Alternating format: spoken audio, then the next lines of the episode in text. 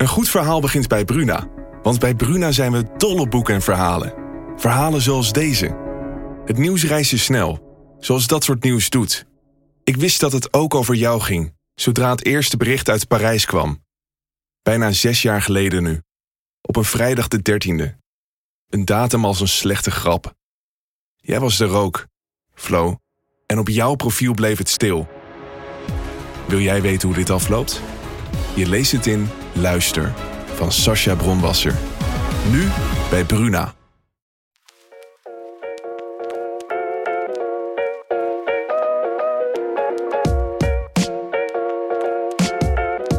Hooggeëerd publiek. Dit is de cultuurgids voor Noord-Nederland. In deze podcast leiden redacteuren van Dagblad van het Noorden en Leeuwarden Courant je door het kunst- en cultuuraanbod van Drenthe, Friesland en Groningen. Dames en heren, welkom bij Hooggeëerd Publiek.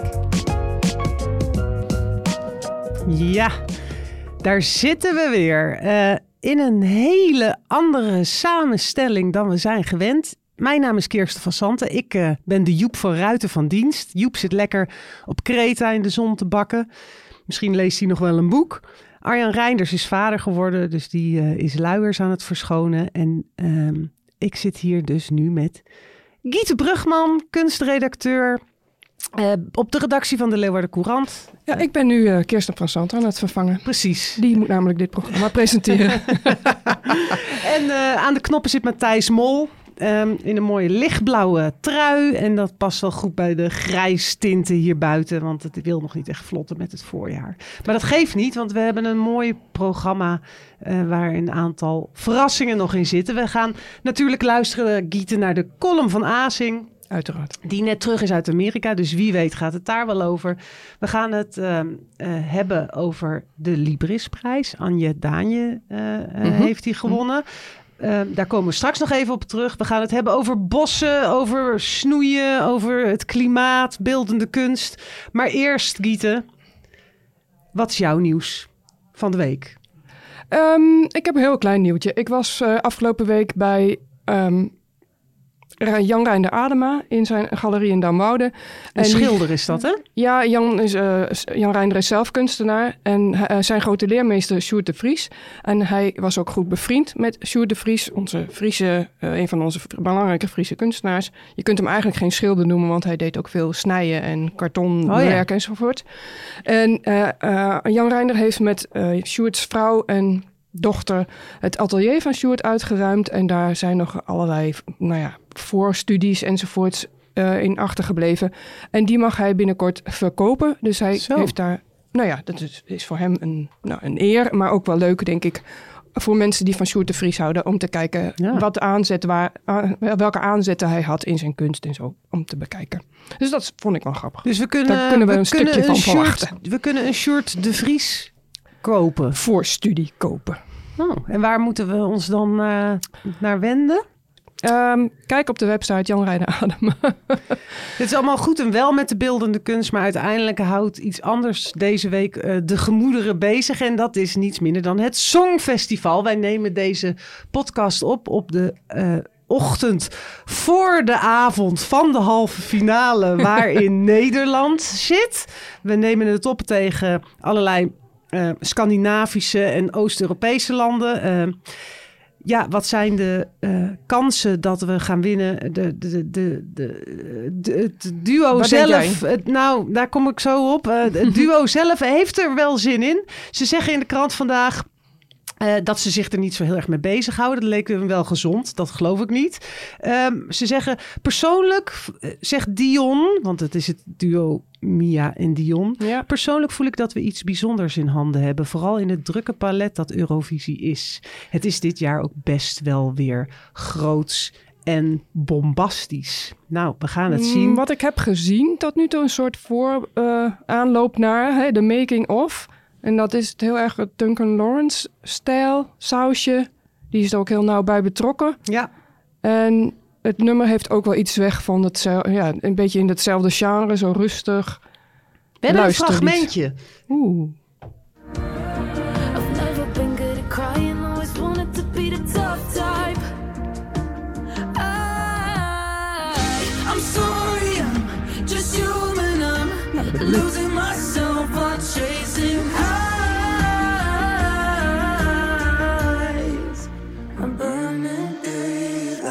Ja, het is medegeschreven door Duncan Lawrence, de winnaar uit 2019. En eh, ja, dit is het, eh, de versie met een octaaf lager of een toon, één toon lager, zodat ze niet meer vals zingen. Dat lijkt me verstandig dan. Eh Giete, jij weet het niet, maar we hebben een fragment. Ehm, dat wil ik je even laten horen. No,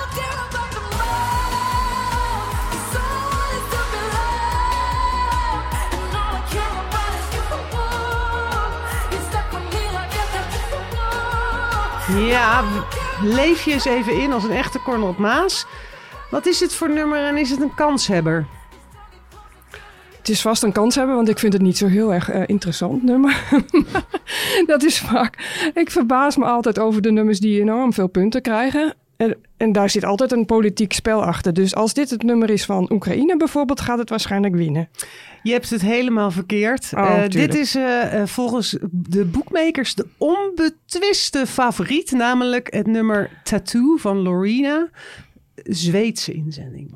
Zweedse Ah, deelnemer. ah. Volgens de boekmakers is de kans dat dit lied wint meer dan 60 Zweden heeft zes keer eerder het Songfestival gewonnen. Dus ehm, ja, Ierland zeven keer. Dus het zijn eh, door de wol geverfde winnaars. Ik heb er nog eentje. Mag je ook raden uit welk land dit komt en of deze een kansje hebben? Hmm.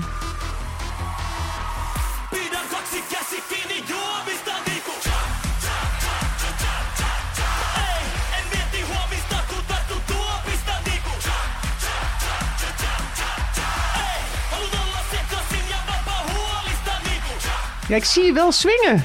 Ja, het swingt wel. Dit zijn wel van die echt lekkere songfestivalnummers. Dat je denkt, joehoe, tien in een dozijn. Oh nee, dertien in een dozijn wordt het dan. Maar ik, welk land zou hierachter kunnen schuilen? ik dacht even IJsland, maar ik denk ergens iets Oostblokkigs. Toch weer dat Oostblokkige. Nou, je hebt het verkeerd. Het is Finland met het nummer Cha Cha Cha. Ik vind het zelf het leukste nummer. 35% winstkans. Dus eh, hij staat op 2. Dus eh, ja, ik zeg alle ballen, behalve natuurlijk op Mia en Dion, op Finland. Hmm, ja. Het is Nou, feest. ik, ik ben heel benieuwd. Ik, ik vind het eigenlijk ook altijd wel weer leuk om te kijken, omdat het gewoon zo. Je kan er je lekker over erg verwonderen, vooral. En ehm, ja, waar mensen mee komen en wat dan enthousiast wordt ontvangen, daar kan ik me heel erg over verbazen. Ja. Ja. Maar ja, altijd wel weer leuk. Ik vond altijd naar de BBC kijken grappig, omdat daar zo onderkoeld humoristisch eh, commentaar bij werd gegeven. Dus dat deed ik dan nog wel eens. Ja, dat is leuk. Ik hoop dat veel landen weer in hun eigen taal gaan zingen. Vind ik veel leuker dan in het Engels alleen. Ja, dat is ook zo. En dat is ook mooi. We zouden een keer een Friese inzending moeten doen. Ja, Pieter Wilkens, hupsa. Eh, de halve finale dinsdagavond, donderdagavond de tweede halve finale en zaterdag staan er 25 landen in de finale. Genoeg over het Songfestival. We gaan weer even terug naar de beeldende kunst. Gieter, jij hebt een eh, eh, interessant eh, boek in handen gekregen. En we gaan eens bellen met een van de makers. Introduceer ze eens even. De makers van Boswerk, want zo heet het boek, zijn Christian Kuitwaard en Jan Kleefstra. Zij hebben in 2020 het boek Veldwerk gepresenteerd. En voor dat boek zijn ze in tussen maart 2018 en maart 2019 elke week, elke vrijdag, op pad gegaan het veld in. ehm, en dan meestal gewoon het boerenlandschap zoals dat kennen eh, in Friesland. Omdat Jan Kleefstra, die vogelkenner is en vogelteller is, eh, in de gaten kreeg dat er steeds minder vogels te zien zijn. En ze hebben dat eigenlijk opgepakt als een soort noodroep van... jongens, waar zijn we mee bezig? Wat is er aan de hand in het, eh, in het landschap? Sorry. Ehm, en eigenlijk hebben ze hetzelfde gedaan, maar nu met de bossen. En voornamelijk wel weer in Friesland, maar ook daarbuiten.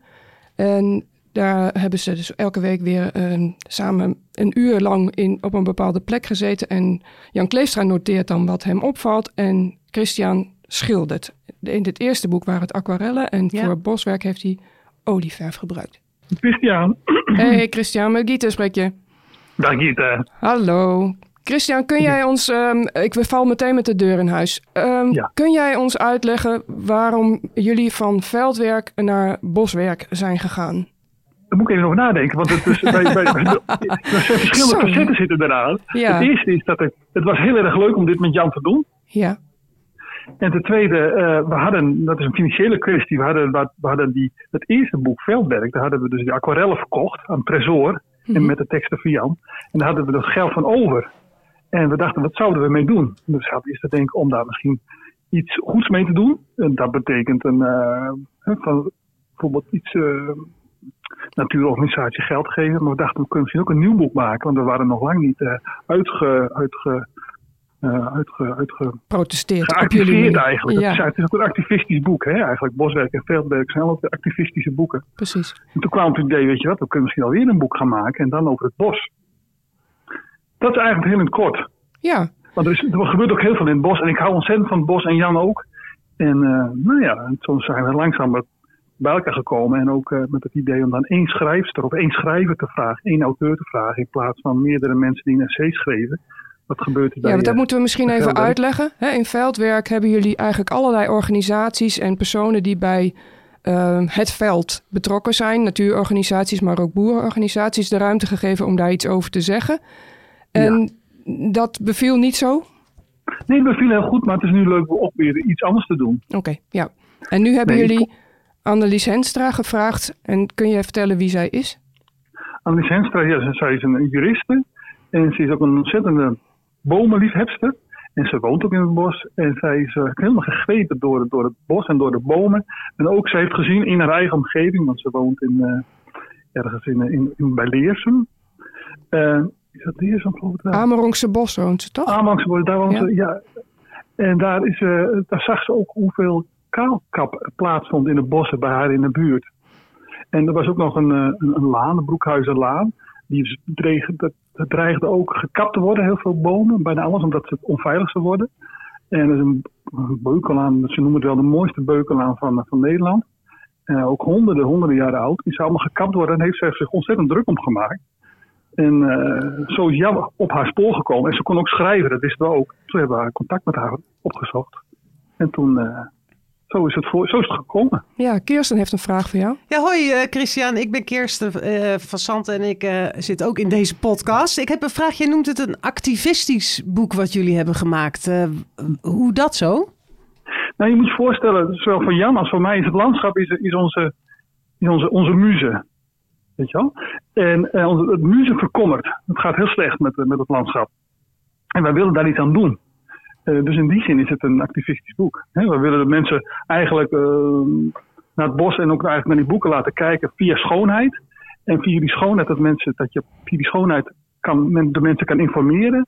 En via informatie kan je misschien mensen ook betrokken krijgen bij dat er iets moet gebeuren met hoe wij met de natuur omgaan. Ja, je wilt niet te veel roepen van dit gaat fout, dit gaat fout. Maar je wilt laten zien, kijk eens hoe mooi. Hè, wat er nog Ja. is. En laten we daar voorzichtig Ja. mee omgaan. En daardoor informeren en zo betrokkenheid eh, proberen op te roepen. Ja.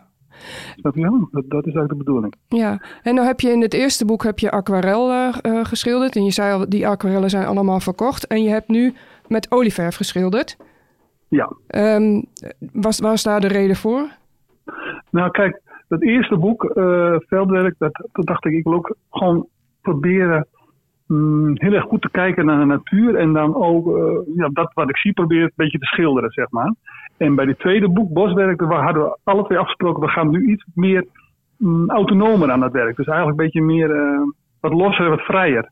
En daar leent olieverf zich ook wel heel goed voor. Dus het is meer een interpretatie van wat ik gezien heb dan, dan, het, boek Veldwerk. Dat was wat con- eh, conventioneler.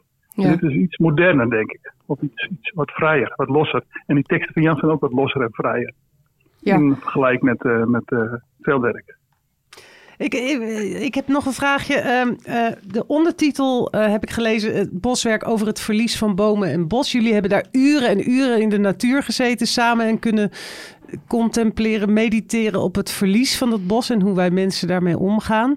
Eh, kun je nou doorgronden waar- waarom wij mensen zo roekeloos met onze bomen omgaan? Wat is er met ons aan de hand? Nou, er zit eerst en plaats een hele praktische reden aan. Dat is eh, die, die Henk Bleker, die heeft een aantal jaren geleden, uh, zo'n natuurbarbaar, die heeft toen gezegd, weet je... we Die toen minister was, moeten erbij Ja, zeggen. Ja. ja. En, en hij, eh, hij heeft Staatsbosbeheer opdracht gegeven dat we zelf geld moeten verdienen. De Staatsbosbeheer die moet regelmatig veel kappen om geld te verdienen. Dus dat is een hele praktische eh, Mhm. oorzaak. En het tweede is, ja, wij, wij zijn toch een beetje losgezongen van de natuur. We begrijpen niet meer dat, de natuur, dat wij dezelfde natuur zijn. Hè? Dat de natuur het leven is. En dat diversiteit een heel belangrijk iets is. Maar dat, dat, daar zijn we een beetje van eh, ja, losgekomen eigenlijk.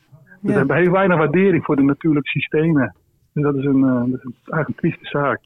Ja. Ik denk dat dat de reden is. Onverschilligheid, hè? Het is heel vreemd. Het lijkt wel of we soms meer verwondering hebben naar al die technische wonderen om ons heen dan om de echte natuurlijke wonderen. Ja, ja in Dat is heel apart. jullie noemen het zelfs eh, eh, opmerkelijke levende wezens. Hè? Als bijna, eh, we, we leven zij aan zij met die bomen en we moeten ze als een soort mede, medewezens beschouwen in plaats van dat wij ons daar, daarboven verheffen. Ja. Ja, er is een, ik heb een boek gelezen. Hoe heet dat? Het heet geloof ik De Moederboom. En dat was van een Canadese mevrouw, Susanne Simmert. En zij heeft bijvoorbeeld onderzocht, ze heeft hele harde wetenschap, het is geen zweverig verhaal, dat bomen onderling verbonden met elkaar zijn via de wortels en via schimmeldraden. En zo op die manier kunnen ze elkaar helpen. En ze kunnen dus bomen die bijvoorbeeld eh, die nog op moeten komen, die te- tekort hebben aan iets, die kunnen een boom die moederboom kan aan eh, zo'n andere boom, die jonge boom helpen met voedsel geven of, of vocht geven. Dus het is een hele, het is, het is- die bomen zitten veel meer achter dan dat je op het eerste gezicht misschien zal denken. Eigenlijk, en ook omdat wij, sorry. ja? Nou, eigenlijk zou je kunnen staan. zeggen, de, wij verbazen ons over de wonderen van de techniek, maar de, de natuur heeft nog veel meer wonderen in zich, hè, waar we ons eigenlijk veel meer over zouden moeten verbazen eh, en eh, veel meer zorg voor zouden moeten dragen. Toch? denk Dat ik is-. Ja, ja. ja. ja. Oké. daar heb je helemaal gelijk in, volgens mij. Nou, dan houden we het even hierbij. Dankjewel, Christian. Ehm, iedereen zou dit boek moeten lezen, moeten bekijken en ook jouw werk moeten bekijken. Ehm, Nog heel snel heb ik een tussenvraag. Wat is jouw lievelingsboom eigenlijk? Ja, ik denk toch dat ik een beetje discriminerend ben. Ik ben toch van, van de loofbomen. Ik vind alle loofbomen mooi. Alle loofbomen mooi. Nou, Ja. dan gaan we toch Eén eens even allemaal. opletten. Bedankt. dankjewel, Christian. Tot een volgende keer. Doeg! Doei. Boskwerk, vormgegeven door Gert-Jan Slachter, 176 bladzijden. Prachtig boek, 29,95 en in de boekwinkel te verkrijgen. Uitgeverij Weidemeer.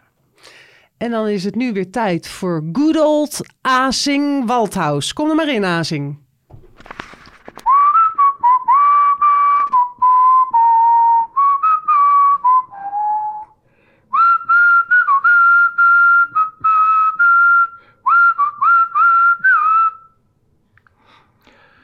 Toen Malcolm Lowry in Hotel Normandy in Los Angeles woonde en daar begon aan Under the Volcano, de roman die hem beroemd zou maken, had hij een kamer op de eerste verdieping, net als ik nu. De kamer was Spartaans maar comfortabel, zou de vrouw die als typist voor hem werkte zich herinneren. Een tweepersoonsbed rechts van de deur, een badkamer, links een ladekast met boeken erop. Tegenover de deur bij het raam met witte gordijnen een eiken tafel met stoel. Op de tafel een typemachine en een stapel papier. Daarnaast een schommelstoel met Malcolm Lowry. Hij keek uit op een acacia die hij de aspirineboom noemde. De enige bomen nu zijn palmen verderop, hoge stammen met bovenop een pluimpje. Lowry was toen dertig, zat in scheiding en zoop als een tempelier, net als Jeffrey Furman, de hoofdpersoon in Under the Volcano. Zijn vermogende ouders betaalden zijn verblijf van juli 1938 tot juli 1939 en maakten het geld rechtstreeks naar het hotel over. Lowry zou op zijn 47ste overlijden met veel drank en medicijnen in zijn lijf. Misschien was het zelfmoord, misschien heeft zijn tweede vrouw hem vermoord, die tevens zijn grootste fan was, zijn redacteur, zijn typiste en zijn mededrinker. Die vrouw, Marjorie Bonner, had hij niet ver van dit hotel ontmoet op Hollywood Boulevard. Zij liepen dus destijds dezelfde brede trap af naar de hotellobby als ik nu. Die lobby is nog helemaal jaren twintig, al staat bij de balie een tekst uit een Lowry-biografie op de wand. De gerant stelt zich aan me voor als CJ. We hebben hier elke dag van vijf tot half acht gratis wijn, zei hij. Gebeurde dat in 1939 ook al? Ik doe dit nu tien jaar, zei CJ en schonk me een gulle Pinot Noir in. Ja, die Azing, hij ehm, is weer net terug uit Amerika. Heb je Malcolm Lowry gelezen? Nee, ik heb volgens mij de film wel gezien. Ja, dat is ook heel bekend. Ja. We blijven even bij de boeken, want eh, we Wat is jouw nieuws? Dat zou ik jou vragen. Ja, precies. Ja, ik moest net iets zeggen. Nou, jij Nou ja, jouw nieuws. We kunnen er niet Kunnen- omheen. nee. Eh, het is eh, de dag na de uitreiking van de Libris Literatuurprijs. En bekend, ge- zoals gezegd, de gedoodverfde winnaar heeft inderdaad de prijs gewonnen. Dat is Anje Daanje met het lied van Ooievaar en Dromedaris. Het ligt hier voor me. een vinkerpil. Ja, Ik sla er nou op. Het is eh, een prachtig... een eh, paar bomen. dat, ja, laat Christian Kuitwaard het niet horen. Die, die maakt ook zelf een boek. De Duitse schrijver Frans, of Tsjechisch-Duitse schrijver Frans Kafka, die zei: Een goed boek splijt als een bijl het bewustzijn. En ik heb het gelezen en dit is wel het geval bij dit boek. Mijn bewustzijn is in ieder geval tijdelijk even gespleten geweest. Eh, de jury noemde het een ongeëvenaard literair bouwwerk. Eh, het is een groot succes voor eh, de uitgeverij eh, Passage van Anton Sch- Scheepstra. Die ehm, eh, klein is, maar inmiddels negen drukken van dit boek heeft eh, eh, gemaakt. 40.000 exemplaren zijn verkocht. Ja, prachtig. Het is een, eh, een, een groot succes en Anje laat de concurrentie ver, ver, ver achter zich. Dit is literatuur van wereldformaat. Maar hoe doet ze dat dan, dat bewustzijn splijten bij jou, als je dat boek leest? Nou, daar hebben we het net over gehad. Want kort voor de opname van deze podcast heb ik samen met mijn collega Job van Schaik van Dagblad van het Noorden contact met haar gehad. Dus zij eh, is inmiddels bekomen van het diner, eh, heeft lekker geslapen. En we hebben haar eh, een uurtje geleden aan de telefoon gehad. En daarmee wil ik deze podcastuitzending graag afsluiten. Het woord is aan de winnares van de literatuurprij- Libris Literatuurprijs 2023, Anje Daanje. Allereerst natuurlijk van harte gefeliciteerd met de prijs. Want het is toch Ja, wel, eh, het, wel heel bijzonder. Hoe heb jij het beleefd gisteren? Want je, als, als gedoodverfde winnaar. Ja, dat was wel een beetje. e- eerst in het begin dacht ik toen ik net was genomineerd, denk ik, nou ja, ik ga hem niet winnen omdat ik de Boekenbondprijs al had gewonnen. En niemand had allebei die prijzen ooit gewonnen voor één en hetzelfde boek. Dus ja, ik denk, nou, dat, ik sta gewoon op de shortlist, maar dat wordt verder niks. Maar toen begon in, in de pers iedereen te zeggen, ja, ze moeten winnen en zo. Dus ja, toen werd ik wel een beetje zenuwachtig op een gegeven moment. Dus eh, gisteren, maar ja, ik zat dan toch niet heel ontspannen, moet ik zeggen. Nee, nee, kan ik me voorstellen. Want iedereen die, die kijkt ook naar je natuurlijk als de gedoodverfde Ja, winnaar. En het was eh, ook wel een beetje vet. Ze hadden de, iedereen, de, de schrijvers, een beetje tegen elkaar opgezet. Zodat het echt een wedstrijd werd. En ja, ik vind ook niet dat literatuur een, een wedstrijd moet zijn eigenlijk. Maar ja, dat Nee. werd het natuurlijk wel op die manier. En als ik hem nou niet had gewonnen, ja, dan had iedereen natuurlijk gevraagd. van, Ja, ben je nou teleurgesteld? Ja, moet je wel zeggen, ja. ja, ja, nee, dat is toch ook inderdaad wat, wat raars met, met eh, prijzen en met kunst. Dus dat, eh, Ja, ja. Ja. Hoe, hoe is het voor jou om nu eh, het gevoel... Nou ja, je bent nu gewoon de meest gelauwerde schrijver van Nederland. En ook nog de, dat heel- eerste die, die, twee van die, grote, die de twee grote prijzen gewonnen heeft eigenlijk. Ja, dat is echt heel raar natuurlijk. Want drie jaar geleden, ja, toen, toen had ik eigenlijk, eh, ja, wat, wat nou al bekend was, niet helemaal, maar toch niet heel erg bekend. En, eh, Nee. Ja, dat is heel raar. Het is nog niet echt tot me doorgedrongen gewoon. Ook na die drie jaar nog steeds niet, geloof ik. Nee, nee, ik kan me Nee. voorstellen. Dat, ehm, nou ja, ik begreep dat jij wel al met plannen voor een volgende roman bezig bent. Of, Ja, niet heel serieus. Nee, dat, is dat, dat wil ik alsmaar. Maar dan, ja, dan komt er weer wat tussendoor. En ik moet eerst wat, eh, om iets te bedenken. Je kan niet, niet achter je bureau gaan zitten en denken, nou, dan ga ik een goed idee krijgen. Dus ja, je moet wel een beetje, beetje rust in je hoofd hebben om dan eh, om, om eh, ideeën te krijgen. Dus ja, dat, daar ben ik nog steeds niet naartoe gekomen. Maar ik hoop dat dat binnenkort gaat gebeuren. Wa- wa- Wat je vaak hoort is dat mensen die bezig zijn met een boek schrijven, dat het ene boek tijdens dat proces een nieuw eh, idee eh, oplevert. Dus dat het een tot het ander leidt. Is dat bij jou gebeurd? Heb je, ben je ergens tijdens dit proces heb je gedacht van hé, hey, misschien eh, een volgend werk zou die richting uit moeten? Ja, dat heb ik normaal wel, maar bij, bij dit boek eh, niet. Nee. Nee. Dus nee, ik zit gewoon zonder boek eigenlijk. Ja, dat is een beetje normaal. Dan, eh, dan zorg ik altijd voor dat voordat de recensies eh, be- verschijnen, dus of ze nou goed of slecht zijn, dat ik dan gewoon weet wat mijn volgende boek is en dan heb je iets om op terug te vallen. Ja. Dus dan Ja. was ik al lang aan het werk gegaan. Maar nee, dat had ik dus nu niet. Maar ik weet ook niet waarom. Maar ik denk omdat, ik, omdat het dus elf hoofdstukken zijn. Met elf verschillende. Ik had had eigenlijk gewoon elf verschillende boeken al bedacht. Ja, Precies. het was even op, denk ik. Ja. Het is, even, is, Ja. is, is, is dat dan niet een leeg gevoel gevoel nu? Dat je even zonder ja, zit? ik mis, ik mis het wel, ja. ja. Maar ja, ik eh, moet gewoon... Het is ook wel dat ik het telkens tegenaan hang dan. Maar op een gegeven moment moet je gewoon overheen zetten en denken... Maar nu, nu is het afgelopen met het gezeur en dan ga ik aan het werk. Maar dat heb ik nog niet tegen mezelf gezegd. Dus ja. Nou ja, ik kan me ook voorstellen dat het wel moeilijk is. Want je hebt natuurlijk nu twee enorm succesvolle romans geschreven. En eh, hoe ga je verder naar, naar zo'n succes?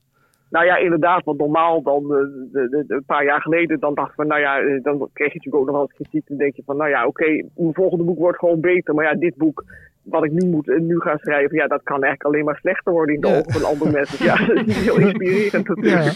Je hebt, Nee. je, je hebt nu Kafka en Marquez allemaal Ja, over je schouder meekijken. Ja, nou ja, ja en, en ook heel veel andere mensen natuurlijk. En als je dus in, in beeld komt op televisie, dan zie je ook jezelf als maar van de buitenkant. Dat helpt ook niet echt. en, en, en nu, dus, als je je stem ook altijd hoort, denk je, ach, wat. Hè, je, je, je, als je schrijft, dan moet je natuurlijk in je, in je hoofd leven. Maar als je er zelf als van, vanaf de buitenkant bekijkt, ja, dat werkt niet echt. Dat gaat niet echt samen. Maar, maar hoe ga je dat doen? Hoe, hoe duw je die buitenwereld weer weg? Nou ja, dat is een kwestie van tijd. Die verdwijnt vanzelf weer een beetje. En dan de storm gaat wel weer eens liggen, denk ik. Maar ja, de Librisprijs is wel, wel gigantisch natuurlijk. Had hiervoor de Boekenbondprijs gewonnen. Die is wel minder belangrijk. Maar ik merk nu wel met alle felicitaties die binnenstromen. En al die kranten en zo. Dat is iets gigantisch, geloof ik. Ja. Dat eh, bedrag, hè, die 50.000 euro, is dat belastingvrij? Weet je dat? Nee, dat is niet belastingvrij. Oké, Nee, nee, nee. nee, nee. Heb je er al een bestemming voor? Of, of is dat, ja, heb jij daar een bestemming voor? Of is dat... eh, Nee, ik, eh, ik ga er gewoon van leven, want ik weet Ja. ook niet hoe het verder gaat. En misschien wordt mijn volgende boek dus niet zo goed. Dan, dan verdien ik nu zoveel meer. Dus dan Nee. heb ik, ik heb ook geen pensioen en geen arbeidsongeschikt. Ik heb niks, dus dat, dit is het gewoon. Ja. ja, ja, nee, wat dat betreft. Dus dat is natuurlijk hartstikke mooi dan dat je die prijzen wint. Dus dat, eh, Maar daar, is die prijs, daar zijn die prijzen volgens mij ook al min of meer voor bedoeld. Hoor. Dus bij de Boekenbondprijs stond het ook op hun website. Het is de bedoeling dat je, dat je een tijdje vrij kan nemen om een volgend boek te schrijven. Dus nou ja, ja. daar heb ik nu al genoeg geld voor dan. Hè? Ja, ja, nou dat is heel Ja. mooi. Eh, jouw Ja. uitgever Anton Scheepstra, die eh, heeft ook allemaal plannen natuurlijk. Met de, die kan nu ook dingen doen die eh, dankzij jouw succes, die hij anders niet had kunnen doen. ja, die heeft vast ook wel veel geld verdiend, dat denk ik ook. Maar, wordt, wordt, er door jou, wordt er door andere uitgevers ook veel aan jou getrokken? Want het is natuurlijk een Nee, relatief nee, nee, kleine uitgever. Nee. Nee, uitgevers zijn heel, eh, heel beschaafd. Dus nee, dat, heb, dat doen ze niet. Maar ik ga ook niet weg bij Anton hoor. Want Nee. hij heeft me, heeft me in het begin heel erg gesteund. Dus nee, dat ga ik absoluut niet doen. Maar ik heb al een, een, eh, een andere uitgever, uitgever Pluim, die geeft herdrukken van mijn oude boeken uit. Dus Ja. die, die hebben Ja. mij wel benaderd. Maar dat is niet in concurrentie met Anton natuurlijk. Nee, nee, nee. Ehm, nou ja, dat boek wat je geschreven hebt, eh, Kirsten heeft het gelezen. Eh, ja. stel daar eens een intelligente vraag over, Kirsten. Ja, doe dat dus. Eh, ja, wat, wat, ik, ik heb het gelezen. Het is, ik, ik, iedereen zegt ja, het is zo dik en het is zo Ja. eh, veel. Maar ehm, dat heb gek genoeg. Ik heb, ik heb best wel een druk leven met werk en schrijven en kinderen en van alles. Maar ik ben er doorheen gevlogen. En ik, ik weet niet hoe je dit nou hebt gedaan. Maar ik, ik zei op een gegeven moment tegen mijn partner: Het is net alsof ik gevangen zit in haar zinnen. Je zit, eh, de, de taal is zo dat je iemand bijna bij zijn kin vastgrijpt en meesleurt dat boek door. Zo voelde ik het een beetje.